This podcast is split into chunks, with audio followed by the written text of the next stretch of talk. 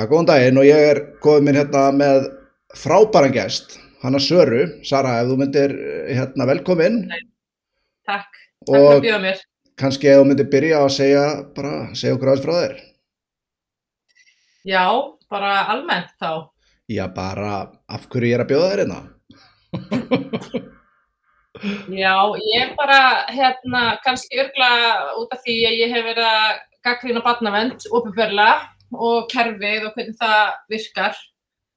Um, ég er náttúrulega kynnist barnavæntakerfinu sem lögmaður fyrst uh, í desember 2020 og þá er ég búin að vera í lögmennsku í þó nokkur ár en hef, var svo sem aldrei inn í þessu málaflokki en, en, hérna, en fæði þarna tímin inn á mitt borð tvö stór fórsjósviftingamál og það var sagt, sama fóreldrið og tvö börn og ég fyrir að skoða þessi mál og lesa gögnin og þá bara hellist yfir mig einhver svona undrun. Um, ég trúði ekki að þetta væri svona ég trúði ekki að kerfi væri svona. Og ég framhalda þessu þá fer ég að taka með fleiri barnavendamál og þá fer ég að sjá að bara mjög mikið og mjög margt að í barnavendakerfi Íslandinga og það er það sem ég hef verið að skrifa um ofinberla og gaggrína að því að eftir að hafa reynd að fara alla leiðir innan kerfisins til þess að fá, ná fram einhverju réttlæti til þess að e, fá fram virðingu fyrir mannréttindum og sérstaklega virðingu fyrir tengslum batna við fóreldrar sína og fjölskyldu sínar að, og, og það mistóks og þá fór ég að skrifa um þetta ofinbel og ég er búin að vera að skrifa reglulega písla um batnavendakerfi og þeir mannréttindabróð sem ég sé þar í gegnum árin eða frá held í 2021 að þá fóru fyrstu píslarnir að byrtast. Og hérna, er þetta hlutur sem að fólk þá veit ekkert almennt um eða er bara alveg sama um eða hvað, hérna, akkur er... Já, emmi, þetta er mjög góð spurning að því að þegar ég fer fyrst inn í kerfi, inn í þetta kerfi sem lögmaður, uh, þarna senka árið 2020, þá hafði ég ekki hugmynd um þetta væri svona. Þú veist, ég hafði enga personlega reynslu, engi sem ég þekkti, hafði reynslu af þessu kerfi, þannig að veist, þetta var bara algjörlega fyrir utan mína lífs, mitt lífsmengi og ég hafði ekki hugmynd um hvernig kerfi var og hafði ekki haft henni ástæð til þess að kynna mér það. Þannig að ég trúi því að það sé stórt vandamál að almenningur í landinu veit ekki hvernig kerfi virkar og ég held að þessu margir sem er ekki tilbúinir að leggja það á sig að vita það og mjög margir hugsa bara þetta varðar ekki mig þetta snertir ekki mig, ég ætla ekki vera að setja minni í þetta, svo eru aðri sem hugsa að þetta er alltaf ljótt til þess að ég sé tilbúin að eigða minni orku og mínum tíma í að, að setja minni í þetta eða reyna að, að gera eitthvað í þessu. Af því að þetta er ljótt, það er verið að, að slíta tengsl kerfisverð, kerfisbundið tengslaróf sem verið er að fremja gegn fóstubötnum í landinu og fjölskyldum þeirra og það er verið að ljúa upp á fóreldra um, í skýslubarnavendar, í stefnum frá borgarlöfumanni þar sem að er verið að leitast eftir því að svifta fóreldra bönnum sínum. Um, það er verið að, e, það er verið að e, ganga hvert á vilja barna sem að vilja hitta fóreldra sína, sem að vilja hitta fjölskyldur sína, það er ekki verið að virða það þegar að e, nefndirnar sem að í dag heita umdæmisráð, batnanda nefndirnar sem að taka ákvarðanir um hvernig umgengni að vera eða hvort það eigi að fara í fossasviftingu þegar þær eru að taka e, ákvarðanir og, og síðan úrskunum velferðamála sem er í rauninni stjórnstíslan e, kæristíð, það sem að þú getur skotið úrskunum nefndana til þá er ekki verið að horfa á mannréttasáttmála Evrópu, barnasáttmála Saminuð þjóðana, stjórnaskrána sem að allt hefur að geima ákvæði mannréttinda sem að gilda um samband bass og fóröldi sem að gilda um friðhelgi fjölskyldina sem gilda um hvernig á umgengni að vera eftir að búið er að aðskilja barn frá fóröldri sínum þannig að vinnubröðun sem eru viðhöfð eru mjög slæm og á mjög lágu plani. En þetta eru, þetta eru hérna, þetta eru rosalega alvarlegar ásakanir og, og það lítur mikið af fólki að vera bara að hugsa þú veist að uh, ja, stór stopnun og badnavend er að nú er þetta náttúrulega líka, þetta er náttúrulega svolítið heilat nafn í eiru margra, veist, þetta er badnavend, þetta er uh, stofnunum sem á að passa upp á börnin, valla eru þau að gera eitthvað svona sem geti verið að skada þau eða eitthvað svoleiðis? Jú, þau eru að gera það og það þarf nú ekki annað en að horfa í baksinni speilin eins og við, þjóðin hefur nú verið þvingu til þess að gera núna mjög nýlega með til dæmis rannsóknarskíslu rannsóknar nefndar stofana. Og ég hef líka bætt á það mínum pislum því að þetta er einmitt viðhorfið sem að ég hef svolítið mætt innan kerfisins. Það getur ekki verið þegar ég fór að kæra ráðfæslur og legar uh, barnavendar til öðruglega því að samkvæmt tekníkalögum er þetta brotkjörn uh, hegningalögum, þetta glæpur, þetta er brot í okkur starfi að þá var það svolítið viðhorfið sem ég fekk frá lögreglum þegar þeir vísuðu frá kærunni á þess að ég raunin að rannsaka þetta að, að þetta gæti ekkert gæst og það væri ekki þannig á Íslandi að barnavend væri að ljú upp á fólkdra og reyna að nota sig að það er lega til þess að taka börnin af þeim. Um, og hérna,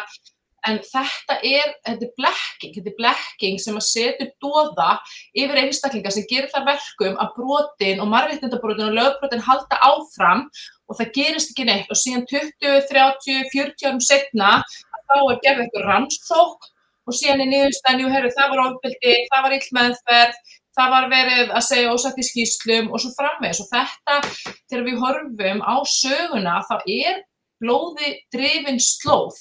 eftir barnavend á Íslandi og það hefur verið þannig í gegnum tíðina, bæði kynferðsbrot, líkvæmstofnildi, andlitofnildi, íllmeðferð, íllastafið, eh, af málum, eh, málsveðferðarreglur brotnar og það er engin ástæða til þess að ætla að þetta sé eitthvað öðruvís í dag. Og það sem ég hef séð staðfesti þvert á móti að þetta er ennþá svona í dag. Og það sem ég var að gera núna er ég skrifaði núna nýjan pistil uh, á vísi sem að byrtist á vísi í uh, gær. Já, ég, ég las hann, hann var bara já, virkilega já. góður. Já, takk fyrir það, það sem ég undir yfirskipið tengslarof barnavenda fyrir og nú, af því að það er einmitt þetta tengslarof sem ég hef núna verið uh, frá áspyrjum 2021 að gaggrina að það er verið að slíta tengst barna við fóröldra sína, við ömmu og afa, við frængur og frænda, jafnvel við sískinni, sískinni fá jafnvel ekki að hittast og, og það er illmeðferð, uh, pyttingar og félagslegt og andlegt ofbeldi. Af því að hver sem er getur reynd að setjast í þessu skóla og hver sem er smá börn eða það er að taka barna heimili út af einhverjum ástæðum og ég er ekkert að viðfengja það það þarf stundum að taka börn af heimil, stundum er bara allt og mikil óregla og jafnvel heimilsófbildi og alls konar aðstæði sem er ekki bóðlegar fyrir börn, af því að það þarf að tryggja öryggi þess að barna. Það sem ég hef verið að gagmila er með hvað hætti það að gera og hvað er sem gert í framhaldi, af því að það er vísvitandi og ásetningi, eru slitin öll tengsl þessa bass við bæðið fólkdra sína, við ömmu sína og afa, við frængur og frænda og eftir að það búið að fossasvifta að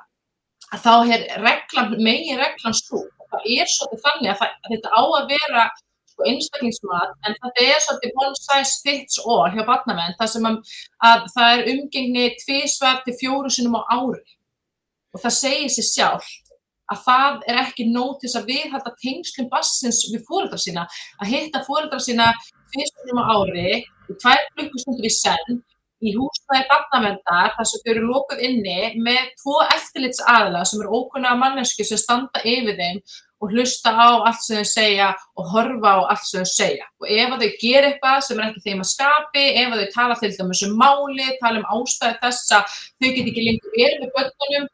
að mjög oft hafa þessu börn enga hugmyndum af hverju þau voru tekin eða af hverju þau búa núna hjá okkur annari fjölskyldum, að þetta er eitthvað sem fóröldarnir megi ekki tala um og ef þið reyna að gera það eða ef þið sína ofmikla tilfinningar eða ef þið gráta, ef að börnin gráta að þá skrifuð svört skísla um umgengnina og það getur jægt að leta þess að umgengin, umgengni sé stjært en þá frekar. Og tengslæsar barn eru líka slitin við uh, aðra stórfjölskyldu meðlum eins og ömmur og afa langömmur og langafa, frængur og frændur þau eru vel tekin að leikskólanum sínum þannig að þau eru ekki lengur í uh, með starfsfólki þar sem þau eru náttúrulega tengjast Eh, eða vinið sína sem við hafa tengst á leikskólan þannig að þeirra tilveru er algjörlega umturnað og þau eru bara sett inn í nýtt umhverfi, jáfnvel nýtt sveitafélag, nýtt heimili, það eru nýjir fóreldrar, e, jafnvel nýsískinni, nýleikskóli og þannig er þeirra tilveru algjörlega snúð og kvolf og svo þegar barni sínir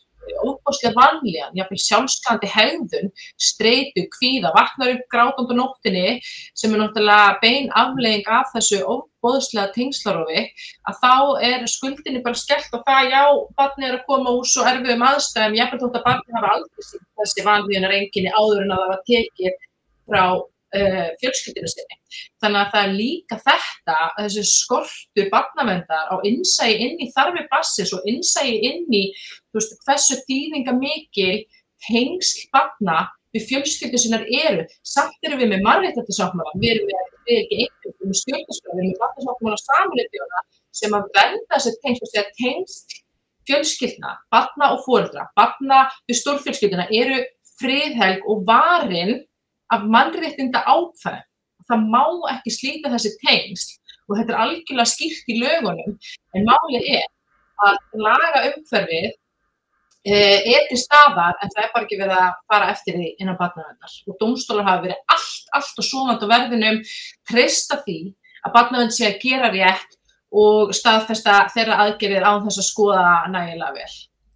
Sko, nú heyri ég mjög greinilega að þetta er þér mikið hjartans mál, skiljanlega, og eina ástafanum fyrir að ég hérna vildi endilega fá því var einmitt út af þessu, þegar að kemur að svona málum, ég, ég skal bara vera alveg reynskili með það sjálfur, að, að ég á voðalega erfitt með að, með að hlusta á allt svona sem við kemur börnum, því að það er, því að, já, fyrir mér er, þú veist, þú getur ekki lagst læra heldur en einmitt að brjóta gegn börnum á einn eða annan hátt. En hérna, hvers vegna er þetta ekki að fara að skila sér og vekja þá reyði sem að eins og gamlar skýslur, rannsóknar á þessum vöggustofum og annað,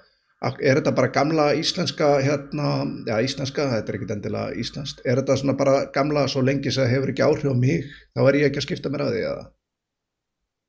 Já, þetta er, þetta er mjög góð spurning og ég veldi þessu fyrir mig sjálf, þannig að nú er ég búin að vera að skrifa um þetta ofinberlega í hérna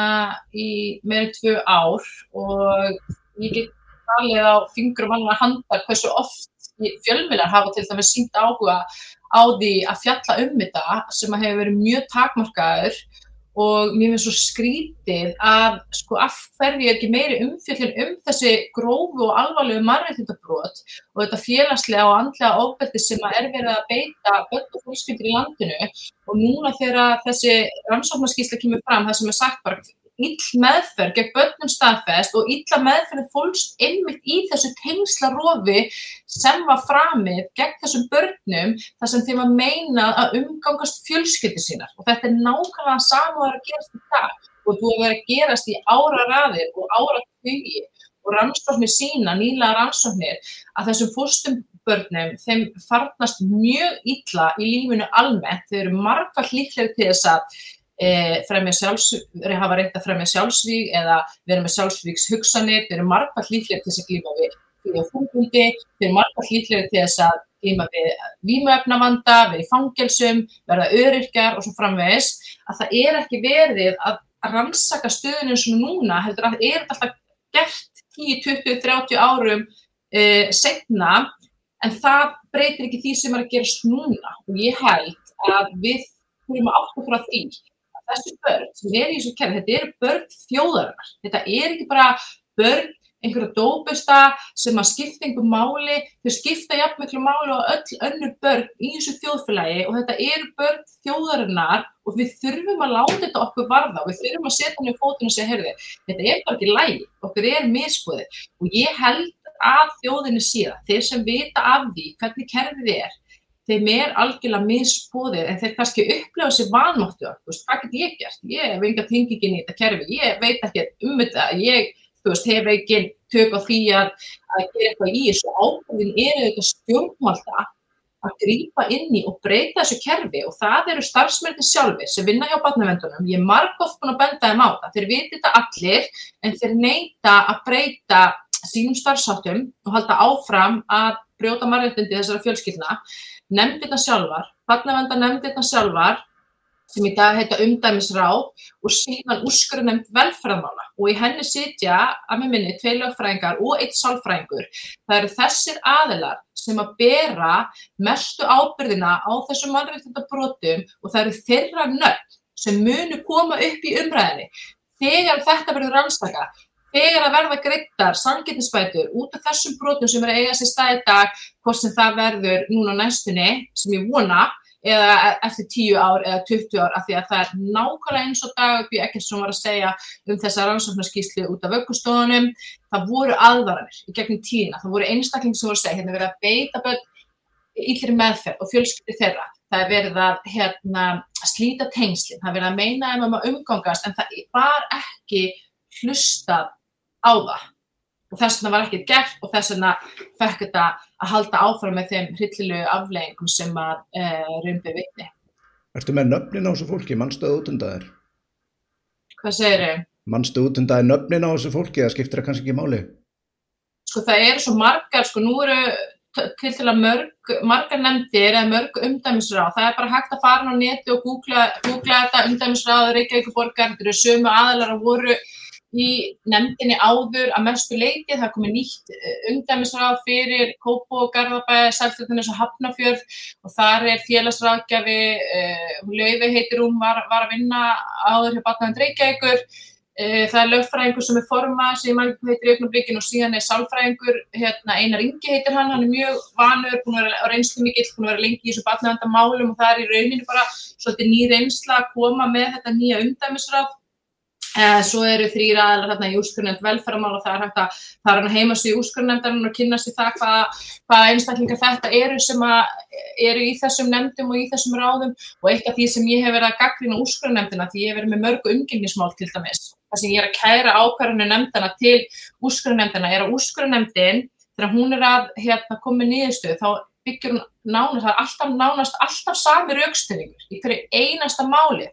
og hérna hún talar, hún fjallar aldrei um friðelgi einhverjum fjölskyldu, hún fjallar aldrei um barnasáttmála saminuð þjóna sem hefur lagagild á Íslandi og í barnasáttmála saminuð þjóna er ákvæði sem gildir gaggert um rétt fóstubats til umgengni við fóröldra sinna sem segir, sem er þriðjumálsku nýjendagreina sem segir að barn á rétt á, á að viðhalda tengslum sem að voru til staðar þegar barnið er aðskilir fóröldra sinu og í því fælst að þau er rétt á beinum og reglulegum samskiptum og umgengni. Þessi regla, hún, hana er aldrei minnst í úrskurum úrskurunendar. Á 71. grein stjórnarskrána sem að segja að fjölskyldan er fríðhelg er aldrei minnst í úrskurum úrskurunendarinnar.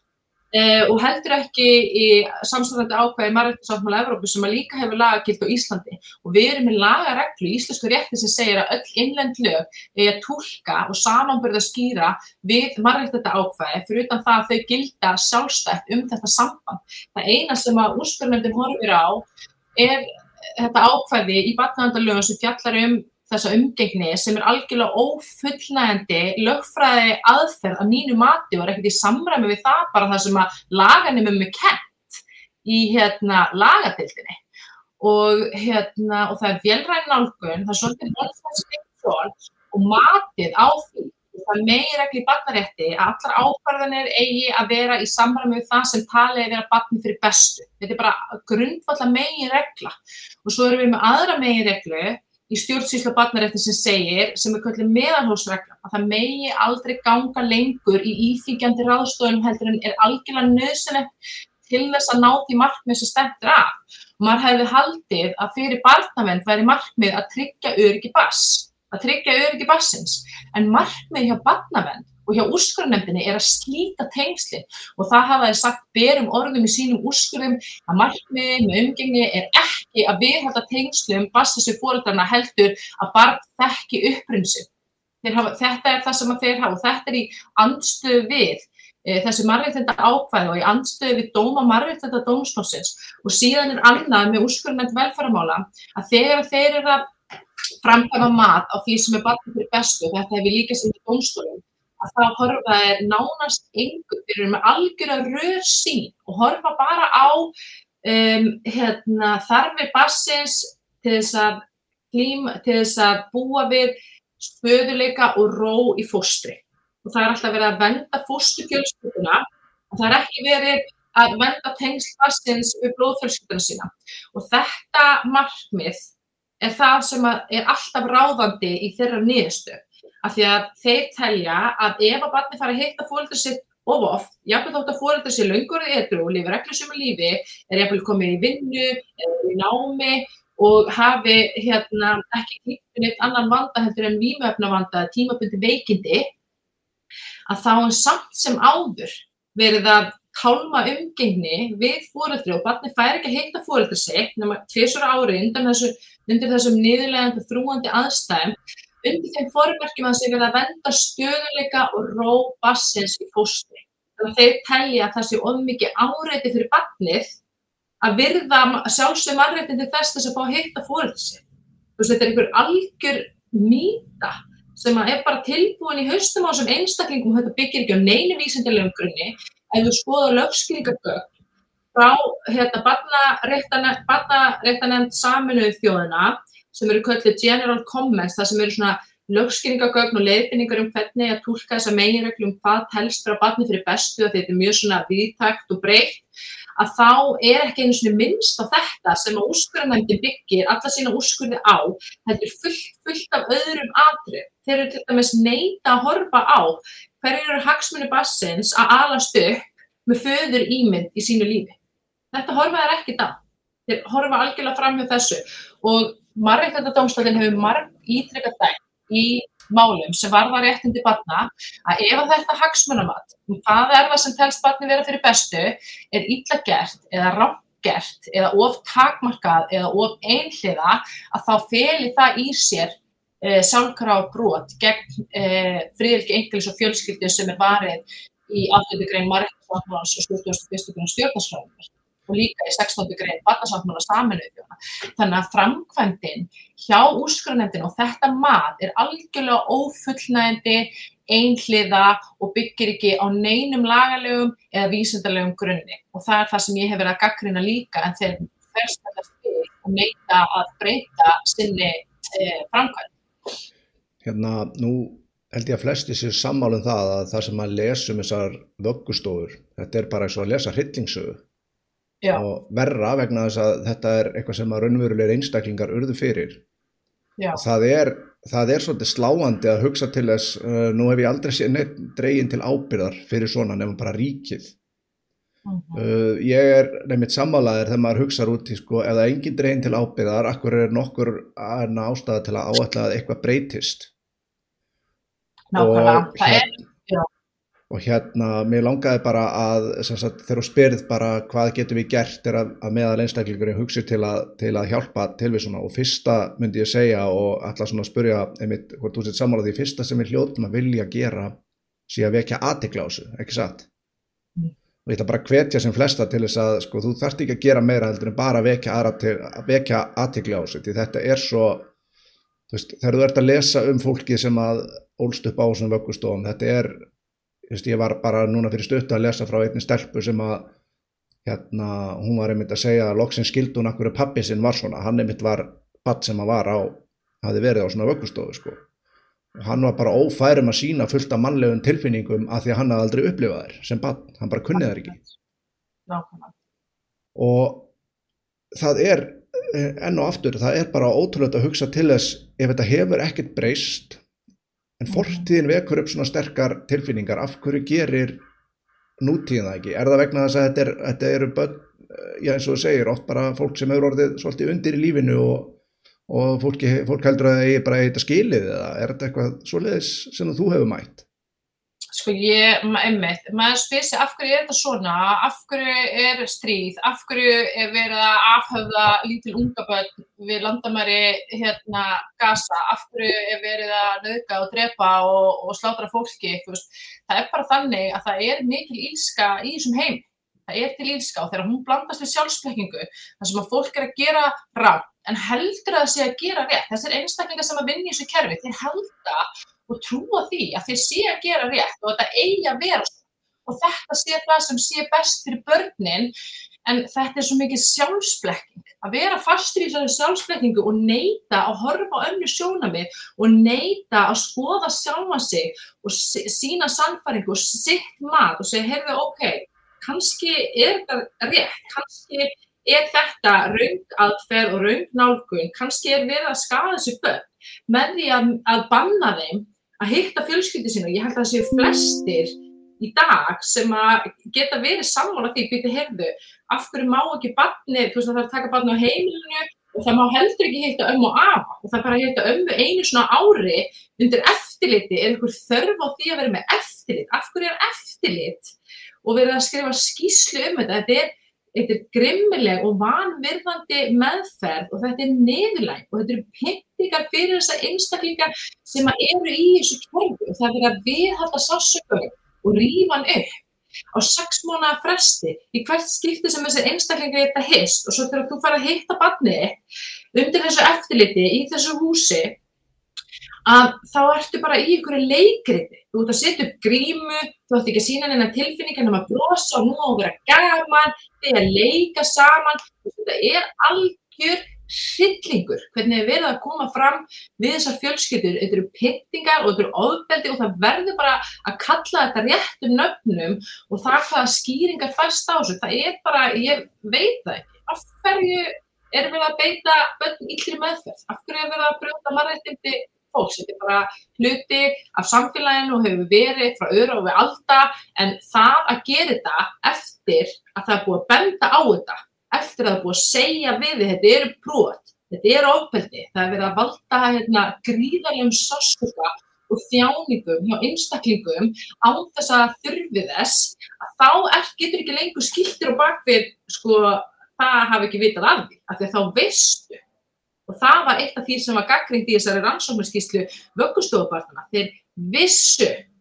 að þetta var ramt en þeir gerði ekki í þessu og þetta hjælt áfram og þess vegna var þetta ill meðferð og það er nákvæmlega sama upp á teiningnum núna. Þeir vita, þeir viti þetta. Það er búið að vera að skrifa um þetta pista, ég er búin að koma fram ofinbarlega, ég er búin að skrifa eh, sko, fjölmarga greinagerðir, bæði til nefndana sjálfa, til starfsmónana, setja með þeim á fundum, uh, til úrskurðanenda velferðamála, þeir vita nákvæmlega uh, þetta en þeir halda samt áfram að brjóta þessi réttindi. Ég verða að fá að spyrja þig hérna... Það, það mun koma svo dagur hvort sem það verður núna næstunni eða eftir 10 ára eða 20 ár þar sem að það verður gerðar ansvarsmanskísla um núverandi starfsemi barnavendar og um þetta tengslarof. Ég verða að fá að spyrja þig hérna, þú segist að seti með þessu fólki hvaða, hvað ert að sjá frá þeim? Ert að sjá í rauninni ertu að sjá einhvern skilning eða ertu að sjá, eða þú veist, hvað finnst þér, nú er ég að spyrja um þitt mat svona, frá fólkinu sem er að taka þessar ákvarðanir? Nei, það eina sem ég sé er að þeir gerir það svona af því að svona hefur þetta alltaf verið gert. Svona hefur þetta alltaf verið gert, svona var þetta gert áður en þessi nefndamenn komu inn í þessa nefndir sem að setja þetta í dag og svona alltaf þeir að halda áfram að gera þetta. Og hvort sem að það er skortur og kjark eða skortur á samkend eða bara alltaf mikil aftenging við þessa einstaklinga sem eru þólendur og fórnarlöfum barnavendakerfisins er að ræða, ég veit það ekki, en ég vona að þeir séu að horfa á þetta viðtal og þeir sjá þetta og ég vona að taka þetta til sín, þetta mun koma upp á yfirborðið, það er bara þannig. Og þá verður þessara einstaklinga sem að bera ábyrða á þessu kerfi minnst uh, fyrir þetta fyrir illa meðferð, fyrir maðurreitndabrót. Þetta kerfi þarf að breytast og ég innja núna e, breytingar bæði í orkunni hjá þessum einstaklingum sem eru fórtanum kerfisins, þeir eru ekki eins hrettir og þeir voru, valda ójabæð er að minka og fólk er meira að standa upp fyrir sjálf og sér, fólk er meira að stíga fram og segja frá þessu ofbeldi. Það er komið grúpa á Facebook sem heitir Börnin Heim sem er fyrir þólandi barnavendar og fórnalum barnavendar þar sem að fólk er að segja sína sögu bæði nafnlaust undir nafni. E, þar að lýsa þeim hryllingi sem að þau hafa fyrst að þóla að hálfu barnavendar eðvalda á Íslandi. Og ég tel að þetta sé gríðalega mikilvægt skref. Það er að því að í þögguninni þrýfst myrkrið og mannrættinda brotin og það er ástæðan, meðal annars ástæðan fyrir þetta hefur fengið að ganga svona lengi þessi brotur þöggu niður og hérna og fórnarnöfn sjálf eru allt og hrætt til þess að tjá sig um þetta út því að þeir eru undir hennum á barnaðum það sem eftir er þar til að barnið ykkur orðið átjónara af því að það er undir þeim komið hvort og hversu mikið þú þarf að hitta barnið. Það er hérna, uh, ég tók sérstaklega og myndist á að þegar fólk tala um svona hefur þetta alltaf verið gert og ég held Já. að það væri einmitt, það væri að koma í ljós að nú nýlega bara að, að þess vegna einmitt eigum að vera að breyta þetta eins og þetta hefur verið gert hefur einmitt verið, já, skelvilegt bara vægarsagt Já, en, ég meina þegar Breiðavíkmálið og fleiri mál voru rannsóku hérna fyrir einhverjum árum síðan þá var niðurst að þeirra rannsóknar að það er meiri líkur heldur en minni á að bat sér beitt ofbeldi á vistheimili á vegum barnaðar. Þetta er ennþá verið að vista börn á vistheimili. Og mér varst annað svolítið mikilvægt þegar þú einmitt saðir með uh, fólki sem vinnur í þessu kerfi að það hefði ekki lengur afsakanir til að uh, já, Nei. gera ekki neitt, segja ekki neitt og annað. Já. Og mér finnst einmitt það sama núna gildum almenning. Maður hefur einmitt séð þessa reyði sem að fólk hefur gagvart einmitt þessi málu sem hafa verið að koma. Og núna mhm. finnst mér svolítið að við í almenningur, við, við höfum ekki lengur efni á eða rétt á að halda kæfti og segja ekki neitt. Er hérna, núna vitum við, eða veist, allavega, veist, það er verið að breyða þetta út og við ætlum að reyna að, já, allavega ég ætla að reyna að breyða þetta út því að þetta er eitthvað sem stendur mér svolítið nærri. Og hérna, mér finnst þetta alveg skelvild að heyra þetta. Það sem að ég á bara svo erfitt með að trúa er að þetta sé ennþá svona í dag. Og ég held að sé fullt af fólki sem á einmitt við það að en ég heyri alveg reyðina og annað í þér, þetta lítur að vera rosalega vannmáttur að vera að glíma við veist, það sem á að vera svona óreittlæti sem blasir við en það er engin að hlusta. Akkurat, það er einmitt þetta sem ég upplið þegar ég fór með þessi mál sem ég var með þessu fyrstu mál sem að það sem var bara endalust verið að ljú upp á fórættri í stefnu. Myna, það er verið stefna í fórsvarsvíkningamáli er bara aðal plaggið sem er verið að lýsa ástæðan fyrir því að það var að taka barni frá viðkomandi um alla framtíð og það var bara ekki þverf fóta fyrir ránkværslegum, rungum, fölskum ásökunum og það var verið að lýsa þessu öllu miklu hérna, neikvæðara heldur en var, það var bara að tala um þetta slæma, það var ekkert að tala um þetta góða, ég meina stjórnvöld þau bera ákveðna hlutleysis skildu og þau megi ekkert reka málinu þessum hætti. Og ég var að lýsa þessu fyrir dómstólum. Það voru tveir hýrastómarar sem að þögguði neyri mér þegar ég ætlaði að fara að fjalla um þessi brot e, þegar ég fóð með máli í landsett og þar satt meðal annars uh, núverandi umbúsmaður alþingis í því máli að, og þetta voru megin málsastæður hjá mér til þess að af hverju það ætti ekki að fattast á grúi batnaðund að hafa verið að uh, vista utan heimilis og landsetti bregst í því með að minnast ekki einu orði á þetta. Þannig að þarna verða, ég var með sönnunagögg fyrir því að það væri verið að ljúa upp á fólkdri, ég var að fjalla um þetta fyrir dómi og landsetti brásti því með að minnast ekki einu orði á þetta. Veist, þetta er ekki rétt að vend þetta er ekki rétt að vend fyrir brotum batnavendar, heldur er þetta um, að í rauninni bara að vera samsökur um þau. Og ég reynda að, að fara með þessu umgengismál til umbúsmanns alþingis sem á að vera vendari marreitenda í þessu landi. Ég, hann vísa þessu öllu frá og vildi ekkert láta þetta sem varða. Þannig að eh, ég reyndi að leita til lauruglunar, ég reyndi allt sem ég gætt til þess að fá einhverja, eitthvað réttlæti og til þess að fá þessi brot staðfest og það, og það var meðvirkni með, með þessum brotum allstæðir í kerfinu, allstæðar og gæði á eftirlitstofnun sem áður hér batnaðandastofa sem á að vera eftirlitskerfi með batnaðandakerfinu, þeir eru algjörlega byggleysið ef að þeir væru að gera eitthvað gang, þá væri kerfið ekki í algjörum mólum eins og það er í dag. Það segir sér sjálf það er ekkit eftirlit og það er nákvæmlega, það er ekkit raunverulegt, ekkit alvöru eftirlit og það er nákvæmlega sama að vera gaggrina í þessum skýrslum frá hérna rannsóknarnefnd um vöggustur. Það var ekkit eftirlit með því sem að, að var að gerast og það er að sama e, og áhugði í dag. Þegar það væri raunverulegt eftirlit þá væri ekki svona. Þá væri ekki verið að brjóta svona alvarlega gegn fjölskyldum og börnum í landinu þar sem að hugsa er að vera þryggjara gammalt barn. Og þú er búin að alast upp á heimili þar sem eru kannski erfileikar og, og, og átök og, og jafnvel drikja og hérna en þú ert samt búin að mynda sterk tengsl við fóröldaræðina eða móðuðina og þú er búin að mynda sterk tengsl við ömmu og afa og jafnvel langömu og hefur kannski farið mikið í pössum þar og þekkir heimili þar og ég meina börn elska ömmuða sína og afana sína, skilju og hérna, og frængur og frænd og sískin og svo allt í henni kemur eitthvað stjórnmál tekur það af heimilinu og þú ferði ekki lengur að hitta mamma og pappa og þú ferði ekki að hitta ömmu og af og þú ferði ekki að hitta, þú ferði ekki lengur að fara á leikskóla, skilju. Síðan er þið bara að planta á okkur heimili, kannski jafnvel í öðru sveitafélagi. Það er ekkert útskipt fyrir, það er ekkert rætt við þig. Og þá bara allt í hennu komni nýji fóreldrar, nýtt sískinni, ný leikskóli og þú ert bara að vera þarna aðlast. Veist, það segir sér sjálft að það er eitthvað mjög mikið af í svona aðstæðum þess að þarf að taka barna heimili þá einmitt að hafa eins ríka og eins mikla umgengni bass við fóreldrana, við stórfjölskyldumæðlimana og þá að leita allra leiða til þess að vista börn hjá stórfjölskyldumæðlimum eins og ömmu afa eða frænk og frænda.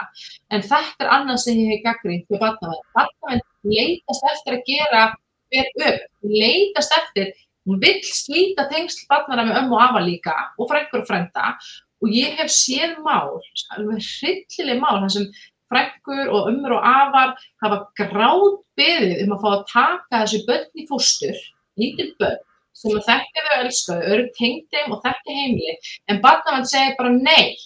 þú ert á gömul, eða nei,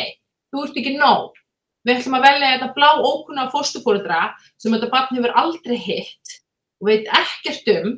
sem búa þar að auki í öðru landsluta og við ætlum að planta barninu þar og þá ætlum við að slíta tengsl bassins við fóreldra þess og fjölskyldara sína. Ef að fólk, sko, ég held að allir með einhverja siðferðiskend og vitund og sko með eitthvað hjarta sem er ekki bara kolbygga svart og hart, þeir skimja hversu mikið áfall og tráma og hversu mikið sásöki þetta er, ekki bara fyrir þetta litla barn og þetta er, þetta er hreitt og klátt ofbeldi, heldur líka fyrir alla hína fjölskyldumælumina. Og svo eins og það sé ekki nógu mikið tráma sásöki að þá er svo þjáningunni viðhaldið þar til að barnið er orðið átján með að banna alla umgengni nema tvísvara ári undir eftirliti rétt svona til að íf upp allan sásökan á sex mánuða fresti og viðhalda honum næstu 15 ári að ég mitt sko uh, já það er erfitt að ég áþryggjar að bat sko þannig að þú veist að maður er svona ímynda sér uh, í þessar aðstæður það já. er uh, já það er nóg erfitt að hlusta það ég get ímynda með hvernig það er að vera málsæðili sem að tengist á fólkinu sem að þarf að gangi gegnum þetta og annað já. ég get ímynda mér að það sé hryllingur að vera að eigðarleika líffólks og kerfi sem að eigðarleika líffólks kerfi spundi er bara rosalega vokk kerfi og það er þetta sem ég hef verið að, að gaggrina. Og hérna, mér langar að spurja út í eitt líka sem að kemur kannski, sem að fólk hugsa líka, að kerfið allavega hugsa röglega sjálfnar úti, og það er til dæmis sko foreldrarnir. Mm. Ef það eru erfileikar til að byrja með, ég tala nú ekki um uh, vímuefni eða eitthvað svoleiðis, þar sem að mm. vímuefnin eru nú sjálfnast sjálf vandamálið, heldur oftast er nú tráma sem að veldur vímuefna nótkunni að þegar þú bætir svona ofan á það að uh, þú upplifir vantilega algjört vonleysi og, og hérna Já. og badnið tekja að ég get ekki ímynda með meiri hrylling að verða fyrir en Ná, e, verður þetta ekki svolítið líka svona hvað hva kallar maður self-fulfilling prophecy að fólk haldi þá áfram því að það hlýtur að vera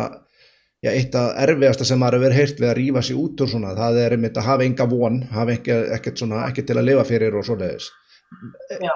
Verður fólk ekki meiri spíral bara við þetta, við svona meðferð? Og allt sem að gerist sko, barnamenn, hlutur barnamenn er að vera að styðja við fjölskyldur og styðja við fórættar þannig að þau séu fær um að hafa bönni sín áfram. En það sem að gerist er að koma að inn og þetta eru félagsfræðingar sem að vinna fyrst og fremst í barnamenn og ég hef skrifað pyrstur um það að það sé skortur á sérhæðu fagfólki eins og til dæmis uh, sálfræðingum, um, áfengisráðgjöfum sem að vantar inn í að þegar veist, ég er sjálf óvirkur alkoholisti, ég er búin að vera eitthvað í hérna, tíu ár og ég þekki fíkningsjúkdóm Ég þekki fíknisjúkdóm mjög vel af því ég var sjálf haldin honum í ára raðir. Ég litist mjög ung út í talsveit miklu óreglu og ég var mjög langt leittur alkoholisti þegar ég var edru í desember 2013 og eftir marga tilrönd til að hafa hægt, þannig að ég þekki þennan sjúkdóm mjög vel og ég veit hvað þessir einstaklingar eru að gangi gegnum. Og ég hef mikið innsæði inn í það og það sem ég var að gaggrina var að þarna voru félagsrákjar og ég hef ekkert á móti félagsrákjar, þeir eru bara mjög nöðsynlega með mjög mikilvæga fagþekkingu, þeir hafa ekki sérþekkingu á því hvernig þessi sjúkdómi virkar og það eru í rauninni bara þeir sem hafa gengið í gegnum hennar sjúkdóm sjálfur sem að geta skilið hennar sjúkdóm. Þannig að það að vera að gera, sko, og þarna koma einstaklingar inn til barnahendar með þennan sjúkdóm sem er sjúkdómur samkvæmt samkvæmt alþjóðlegum skráningum og það eru félagsráðgjar sem er að greina þessa einstaklinga og meta þá og ég vil skipta sér af livjagjónum þeirra, eh, fyrirskipa meðferðir, eh, hvers konar tegundara meðferðum og mér fannst þetta bara vera fúsk Þarna þarf bara lækni, það þarf að koma jafnvel sálfræðingur eins og segir að því að þarna er eitthvað flókin trámu sem að uh, búa baki, þarna þarf að koma áfengis og vímuefnar aðgjafar. Áfengis og vímuefnar aðgjafar eru eiginlega allir fyrirvægandi fíklar eða hérna, edru alkoholistar uh, til þess að taka auðvitað að vera einstakling til þess að hjálpa honum og meta þarfir hans og hvaða hérna, meðferð viðkomandi þarf á að halda. Það er ekki þannig að það fyrir við allir innilíkjandi meðferð en samt er ekki nánast undirtækningar löst þegar það fyrirskipa það. Og síðan þegar þú ert ekki tilbúin að samþykja fyrirvara löst, allt sem að félagsrákjæðum fyrirskipar þú er að gera, sem er svona listi, sem er kallað meðferðarállin, að þá segir bara ég að þú ert ekki samvinnfús og þá ætlum við bara að fossasvifta þig, skilju. Þannig að þetta er óbóðslegt niður brota sem að skjólstæka barnaðar eru aftur og aftur að fá þessu skilabóð, þú ert ekki nóg, þú ert ekki að gera nóg, þú ert ekki þóknanleg eða þóknanlegur í okkar augum og við ætlum að taka frá því barnið og þeir hafa allt, allt, allt og mikið völd og ég hef beinlinni setið uh, fyrir utan þar sem ég var að fara að mæta á fund, ég á barnaðandarinn Kópósbæjar, þar sem að starfsmæður barnaðandar Kópós saði við mig fyrir fundin, nefndin samþykir alltaf það sem við leggjum til. Þannig að þeir vita það sjálfur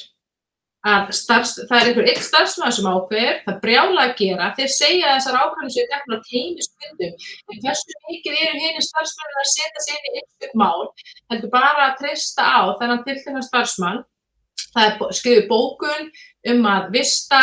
um að svifta eitthvað slíkt, svo bókun er lögð fyrir nefndina sjálfa sem að stimplar nánast aðtöða að senda lögst alltaf það sem að starfsmæður leggur til og síðan fer það fyrir dóm og fær nákvæmlega sömu meðferð þar hjá dómstólum um, og fyrir utan það að dómstólum að fá kollrangar upplýsingar þegar það er oft svo mikið að rákfæslum og lígum í þessum skýslum sem að stafa frá þessum batnaðönda starfsmönum og ég sem lögmaður og sem einstaklingur sem þegn í þessu landi, ég get alveg lofaði því að ef að, að ég væri ekki að segja þetta ofinberlega og skrifa þetta ofinberlega nema ég hefði gögn og sannanir og frásagnir uh, fjölmargra einstaklinga sem að hafa orðið fyrir þessu, þessum svífyringum og þessu ofbeldi að halvu uh, starfsmjöla batnaðanda í gegnum árin. Nei, mér finnst þetta svolítið sláandi að, að fólk vilja ekki hlusta. Já, fyrir ekki, haldt áfram. Þannig að svarið við þessu spurningunni er já, þarna er verið að búa til umhverfið sem er til þess fallið að brjóta einstaklingi niður og framleika hans výmöfna vanda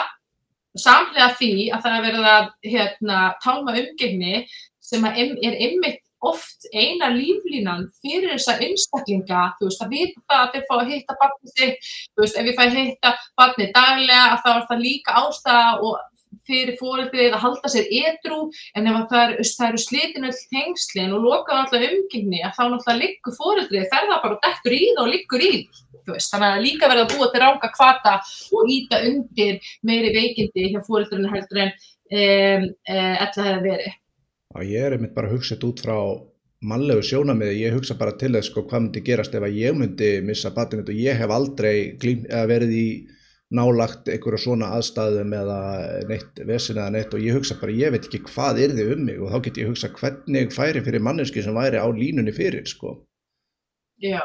nákvæmlega af því að þetta er svo óbúrslega mikil, hérna, mikil sásöki og mikil þjáning og ég tek ofana fyrir öllum svo fórætturum sem, sem hefur þó tekist að verða edru undir þessum ekstrím aðstæðum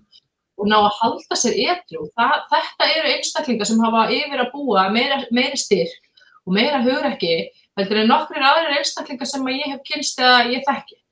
Já, ég, eins og segi, mér finnst erfitt að ræða þessi mál vegna þess að þegar kemur að börnum þá á ég óbáslega erfitt með svona og ég, veist, ég, ég ætla bara að vera alveg opið með það þegar ég, ég verið að hlusta á þessi vöggustofu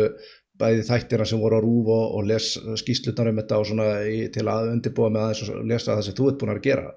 Og maður hugsaður að ég vildi fengi tíu mínútur í einni herbyggi með fólkinu sem að er ábyrgt fyrir svona. En nú er þetta gerast í rauntíma og við bara, við meigum ekki að halda kæfti yfir þessu, þetta getur það hérna, já, þannig að ég get ímynda með hvernig það er búið að vera fyrir þig að vera að vekja aðtikli á þessu og það, það er engin að hlusta, það er ekki að sé engin að tala. Mm -hmm. Nákvæmlega, það er bara, það er búið að vera erfitt en það væri, væri miklu erfiðar fyrir mig uh, að gera ekkert, ég get bara ekki hort upp á það sem að ég hef verið að horfa upp á þessu kerfi og þagað og ekki látið í mér heyra. Þú veist, af því að þá þá væri kraumandi innan, innan með mig valin en hefur ég bara samsök af því ég sé þetta, ég veit af þessu og mér ber bara síðfélagsleg og samfélagsleg skilda til þess að tjá mig um þetta ofinberlega og vekja aðtikla á þessu og ég mun halda áfram að gera. Ég meni ég er, það er meira násíðan að ég hlug ákvörðunum að hætti lögmennsku af því að ég er að starfa farin á önnu svið og hérna og það gengur rosalega vel hjá mér, er mjög mikið að gera hjá mér þar en ég er enda með þrjú barnavendamál sem ég ætla að halda áfram með og skafabótamál líka e, út af barnavend og brotum barnavendara því að ég vill halda minni tengingu við þetta kerfi til þess að ég geti haldið áfram að gaggrina og til þess að ég geti e, gert allt sem ég get og reynt allt sem ég með dettur í hug til þess að knýja fram e, heilbreðar breytingar innan þessu kerfi sem ég er ekki að fara, fara að hætta því, þeir eru ekki að fara að losna við mig. Það er gott að heyra því að eins og segi það er mjög augljóst og þú hefur já, bæði þekkingu og, og hérna, ástriðu fyrir því að þetta gera og það, en mér langar aðeins að spurja þú veist, fólki sem að vinnur þarna, er þetta, hvað er það sem veldur svona, er bara raungtegunda fólki sem sækir í þetta vegna fólk sem að, já, kann ekki að fara með völd, er þetta fólk sem er búið að vera of lengi þarna, hvað er það sem þér finnst vera skorturinn á því sem er í gangi þarna, eða sérst, hvað er það sem þér finnst vera að sem er, er þarna? Já, sko valdasíki er náttúrulega gríðarlega stórt vandamál í svona störfum. Mér finnst að allir þeir sem að eiga að fara að starfa við valdastöður, þeir þurfa að fara að eiga að vera látnir sæta prófi til þess að meta hversu mikið valdasíki er í viðkomandi. Veist, að að þessi einstaklingar eru með allt, allt, allt á mikil völd yfir lífi og fjölskyldum e, í þessu hérna, starfi og þannig að valdasík er alveg klárlega mjög stort vandamál. E, ég held líka að þeir sem að sko sjá ofveldið og hryllingin þeir endast ekki í þessu starfi. Þeir röklast út úr þessu og eftir sitja einhverjir sem finnst þetta í lægi og finnst í lægi að eigða æfistarfi sinu í að eigðanleika líf fólks og, hérna, og, og, og beita fjölskyldur og einstaklinga margindabrótum og uppveldi daglega í sínu starfi. Ég skilða ekki, eh, ég trúi því að allt sem að þú gerir öðrum færðu tilbaka og þegar þú ert að brjóta gegn öðrum, ert að brjóta gegn sjálfum þér, ég trúi því að við erum öll tengd, við erum samfélag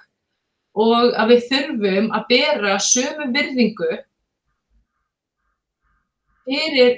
öllum einstaklingum. Það, við erum öll jafn mikilvæg og það er ekki, það er ekki einhver ein manneska mikilvæg en önnur, önnur manneska minna virði bara því að hún var að glíma við eitthvað fíknisjúktum tímabundi. Ég meina oft eru þessir alkoholistar ótrúlega sterkir, öflýr, heilst eftir einstaklingar sem hafa þurft að dóla erfiðleika í sínu lífi og það er að leiðandi leiðast út í, í, í, í áfengis eða výmöfnum fík en með réttir aðstóð er hægt að ná mjög miklum árangri og þessar einstaklingar verða oft framhúsgarandi einstaklingar. Og það hafa verið gerðar ansóknir á fullofnum börnum alkoholista uh, sem hafa þurft að alast upp við miklu óreglu og mikinn alkoholisma. Og rannsóknir sína og þessir einstaklingar verða oft framhúsgarandi einstaklingar í samfélagi á miklum árangri. Og, þeir, og rannsóknir hafa sínt að einmitt þeir einstaklingar sem náð þeim árangri voru þeir einstaklingar sem höfðu þjætt félagslegt net utan á sig. Þeir hafðu ömmur og afa sem þau gáttu leita til, frengur og frænda sem þau gáttu leita skjóls hjá og það er nákvæmlega þetta sem að barnavend sviftir þessu börn. Og rannsóknir hafa sín að þeir þriðju fóstubarna fullorðina fóstubarna sem eru fullorðin í dag og hafa þurft að vera í þessu kerfi upplifa það þegar þau eru átjónar á gömul og detta út úr fóstukerfinu að þau hafi engan stuðning, engan fjárhanslegan stuðning, engan, engan, þau eru jafnvel alveg heimilslös af því að það er búið að slíta tengslinir af stórfjölskylduna þannig að þau get ekki lengur leita þanga og fóstufórðanir eru hægt að fá greiðslu frá þeim þannig að þeir eru ekki lengur að, hérna, að, að halda utanum með að sinna þessum hóp. Þannig að þarna stendur uppi 18 ára gammal eða gömul og þú hefur ekkert og þú ert kannski með byllandi kvíð og þunglindi. Eh, þú þarfst jafnvel að byrja á því að fara á örorku. Þannig byrja lífið. Þetta er rosalega sorglegt og við hljóttum að þurfa að skoða þetta betur og rannsaka þetta og setjast niður og segja, heyrðu, við, við, við verðum að gera betur fyrir þessu börn. Erum að gera meiri skada hættur en gang með þessum aðgerðum. Mér langar fyrir þá sem að hérna fyrir þá sem hafi ekki séð það með vöggubönnin mér langar hérna gæturu rent örsnögt fyrir hvaða yfir hvaða áhrif þetta hafði á þá sem voru á þessum heimilum og mér meira að segja er búið að sína fram á að þau, lifa töluvert stittra heldur en getur þú rent aðeins yfir það eða hefur, ertu með það hjá þér eða í höfðinu svona hvað, hvaða er sem að hvaða áhrif þetta hafði á þessa einstaklinga? Já, það var náttúrulega mikið talað um þetta í fréttum og í sjálfur skýstunni og það var ef ég mann rétt uh, bara 50% meir líkur á að viðkomandi færi á örorku, nú get ég ekki verið alveg 100% um hvort ég sé að fara rétt með þetta, þannig að það voru margmál lí, meiri líkur á að viðkomandi var að klíma við krónisk veikindi, örorku, uh, miklu meiri líkur á að viðkomandi myndi deyja fyrr heldur en jafnaldrar. Uh, um, og þetta rýmar algjörlega við niðurstöður rannsóknum sem hafa verið gerðar á fóstuböndum sem eru fullorðin sem, hafa verið í kerfinu miklu nýlegar. Þá vorum við að tala um mjög unga fullorðna einstaklingar sem hafa þurft að fara gegnum þetta kerfi þannig að, að, að ég hef viljað meina að þetta séu beinar afleggingar af þessu tengslarofi það sem er verið að taka frá þessum börnum það sem skiptir því mestumáli í lífinu og búa til eitthvað gerfi veröld sem að á sér enga stóði í, í, í, í raunveruleikanum eða í lögum eða í neinum öðrum fræðum. Já, ég, hérna, ég vona að maður geti vakið aðteklu á þessu sem víðast og fyrir þá sem að já, eru að horfa eða langar að deila þá langar mig allavega að segja að, að hvað hugsar þú þegar þú horfir á þættina um vöggustofuna? Og þú hefðir tækifæri til að vekja aðtikli á því á sínum tíma og gera eitthvað. En nú er þetta gerast í rauntíma þannig að veist, ekki vera svo sem heldur kæftum þetta, það. Er svo sem að mig langar að segja við þá sem er að hlusta allavega. En nefn að þú vilja segja eitthvað að lokum Sara, ég, þess að segja, þetta er, þetta er pínu sláandi og, og mér finnst, finnst persónuleikin eins og auðvelt að tala um þetta en ég get rétt ímyndum að vera svo sem að vinnur í þessu og þarf að horfa upp á fólki sem að er þetta er, þetta er hræðilegt. Mm -hmm. Algjörlega, ég vil bara segja við þá sem er að úti reynda að setja í spóra þessar einstaklinga og þessari barna og reynda að ímynda hvernig þér myndi líða hvernig börnunum þínu myndi líða ef þið var að láta um sæta þessari e, ítlu meðferð og líka bara til þeirra sem vinni í þessu kerfi, þú veist, maður er maður með meiri að vera tilbúna að, að horfast í augu við sjálfa sig og sín, sína starfsætti og taka ákvarðunum heilbærar breytingar. Þetta verður að breytast og þetta mun breytast, þetta mun breytast. Þannig að þessir einstaklingar sem bera ábyrði í þessu kerfi þeir geta sagt ok, annarkvæmt ætla ég að vera afl til góður á heilbreyðara breytinga í þessu kerfi eða þá að það er eitthvað utanakomandi sem þarf að gerast eins og einhver kólsvöld skísla rannsóknarnemndar og ef þetta heldur svona áfram þá er það það sem að mun gerast. Þannig af tveimu kostum að þá myndi ég, ef ég var að vinna í þessu kerfi allan tíman velja þeirri kostin og hafa kjark og hafa hugreikki til þess að segja hinga ekki lengra, við ætlum að virða marrættindi þessara batna og þessara fjölskyldna, eh, við ætlum að venda þessi tengsl eins og okkur byrja að gera samkvæmt lögum og, og marrættinda ákvæðum sem að hafa lagakilt á Íslandi og, hérna, og, og byggja upp heilbreðari fjölskyldur og heilbreðari fóstuböld hérna á Íslandi í kerfun í dag. Já, þetta var bara velmælt. Sara, þakka þér aðeinslega fyrir að ræða þetta og vonandi náum við að dreifa þessu sem allra víðast. Takk hérlega fyrir að bjóða mér og takk fyrir að vera tilbúin að fjalla um mál sem að ekki margir fjölmiðlar hafa kert til þess að fjalla almennilega um. Nei, fjölmjöla mættu nú fara að taka aðeins til sín hérna þeir eru að tala um þessa upplýsinga óreið og annað. Það er ekki bara þess að þeir fjallum, heldur er mikið það sem við fjalla ekki um. Það finnst mér. Takk fyrir í dag. Takk fyrir.